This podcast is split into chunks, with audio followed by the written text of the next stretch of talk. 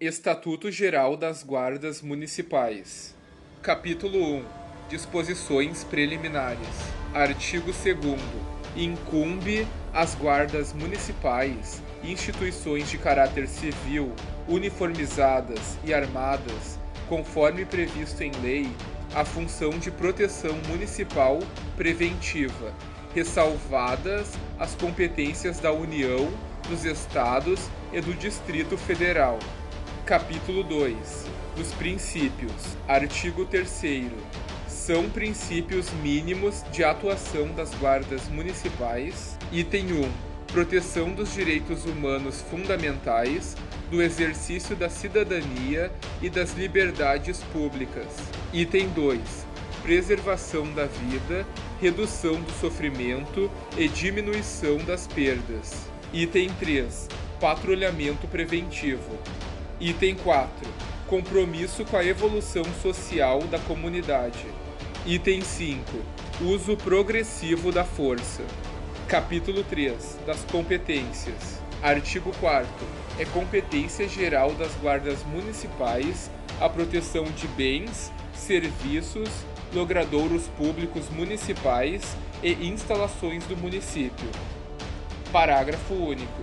Os bens mencionados no caput abrangem os de uso comum, os de uso especial e os dominiais. Artigo 5 São competências específicas das guardas municipais, respeitadas as competências dos órgãos federais e estaduais. Item 1 zelar pelos bens, equipamentos e prédios públicos do município. Item 2. Prevenir e inibir pela presença e vigilância bem como coibir infrações penais ou administrativas e atos infracionais que atentem contra os bens, serviços e instalações municipais. Item 3. Atuar preventiva e permanentemente no território do município para a proteção sistêmica da população que utiliza os bens, serviços e instalações municipais. Item 4 colaborar de forma integrada com os órgãos de segurança pública em ações conjuntas que contribuam com a paz social.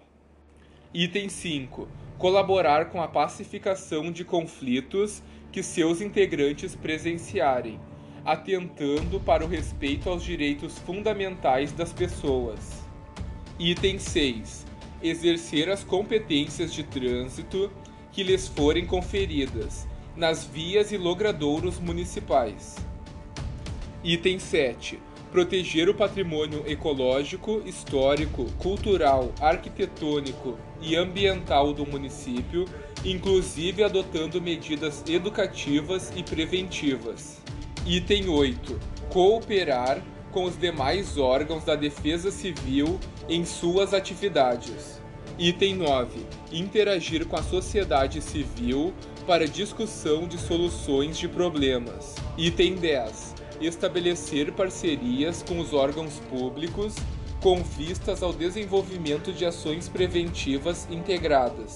Item 11. Articular-se com os órgãos municipais de políticas sociais visando a adoção de ações interdisciplinares de segurança no município. Item 12. Integrar-se com os demais órgãos de poder de polícia administrativa. Item 13. Garantir o atendimento de ocorrências emergenciais ou prestá-lo direta e imediatamente quando deparar-se com elas. Item 14. Encaminhar ao delegado de polícia, diante de flagrante delito, o autor da infração.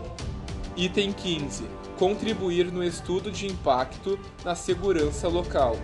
Item 16. Desenvolver ações de prevenção primária à violência, isoladamente ou em conjunto com os demais órgãos. Item 17. Auxiliar na segurança de grandes eventos e na proteção de autoridades. Item 18.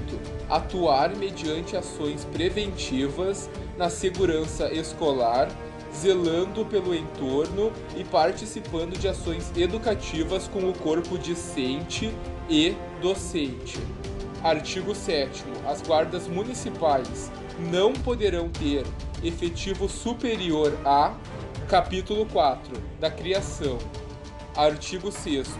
O município pode criar, por lei, sua guarda municipal. Parágrafo único. A guarda municipal é subordinada ao chefe do Poder Executivo Municipal. Item 1. 0,4% da população em municípios com até 50 mil habitantes. Item 2. 0,3% da população em municípios com mais de 50 mil e menos de 500 mil habitantes, desde que o efetivo não seja inferior ao disposto no inciso 1. Item 3. 0,2% da população em municípios com mais de 500 mil habitantes, desde que o efetivo não seja inferior ao disposto no inciso 2. Parágrafo único. Se houver redução da população referida em censo, é garantida a preservação do efetivo existente, o qual deverá ser ajustado à variação populacional. Artigo 8. Municípios limítrofes podem, mediante consórcio público, utilizar reciprocamente os serviços da Guarda Municipal de maneira compartilhada. Capítulo 5 das exigências para investidura. Artigo 10 são requisitos básicos para investidura em cargo público na Guarda Municipal. Item 1. Nacionalidade brasileira. Item 2. Gozo dos direitos políticos. Item 3. Quitação com as obrigações militares e eleitorais. Item 4. Nível médio completo. Item 5. Idade mínima de 18 anos. Item 6.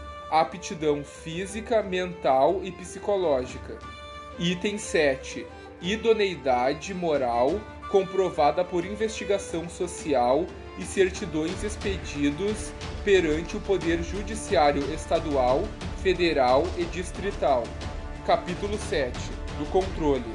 Artigo 13. O funcionamento das guardas municipais será acompanhado por órgãos próprios, permanentes, autônomos e com atribuições de fiscalização, investigação e auditoria, mediante item 1 controle interno, exercido por corregedoria naquelas com efetivo superior a 50 servidores da guarda e em todas que utilizam arma de fogo. Item 2. Controle externo, exercido por ouvidoria independente em relação à direção da respectiva guarda, qualquer que seja o número de servidores da guarda municipal. Capítulo 8 das prerrogativas. Artigo 15. Os cargos em comissão das guardas municipais deverão ser providos por membros efetivos do quadro de carreira, do órgão ou entidade. Parágrafo 1. Nos primeiros quatro anos de funcionamento, a Guarda Municipal poderá ser dirigida por profissional estranho a seus quadros, preferencialmente com experiência ou formação na área de segurança ou defesa social, atendido o disposto no caput. Artigo 17. A Agência Nacional de Telecomunicações, Anatel, destinará a linha telefônica do número 153 e faixa exclusiva de frequência de rádio aos municípios que possuam guarda municipal. Artigo 18 é assegurado ao guarda municipal o recolhimento à cela, isoladamente dos demais presos, quando sujeito à prisão antes da condenação definitiva. Capítulo 9 das Vedações. Artigo 19. A estrutura hierárquica da Guarda Municipal não pode utilizar denominação idêntica à das forças militares, quanto aos postos e graduações, títulos, uniformes distintivos e condecorações. Capítulo 10 da representatividade. Artigo 20. É reconhecida a representatividade das guardas municipais no Conselho Nacional de Segurança Pública, no Conselho Nacional das Guardas Municipais e no interesse dos municípios, no Conselho Nacional de Secretários e Gestores Municipais de Segurança Pública.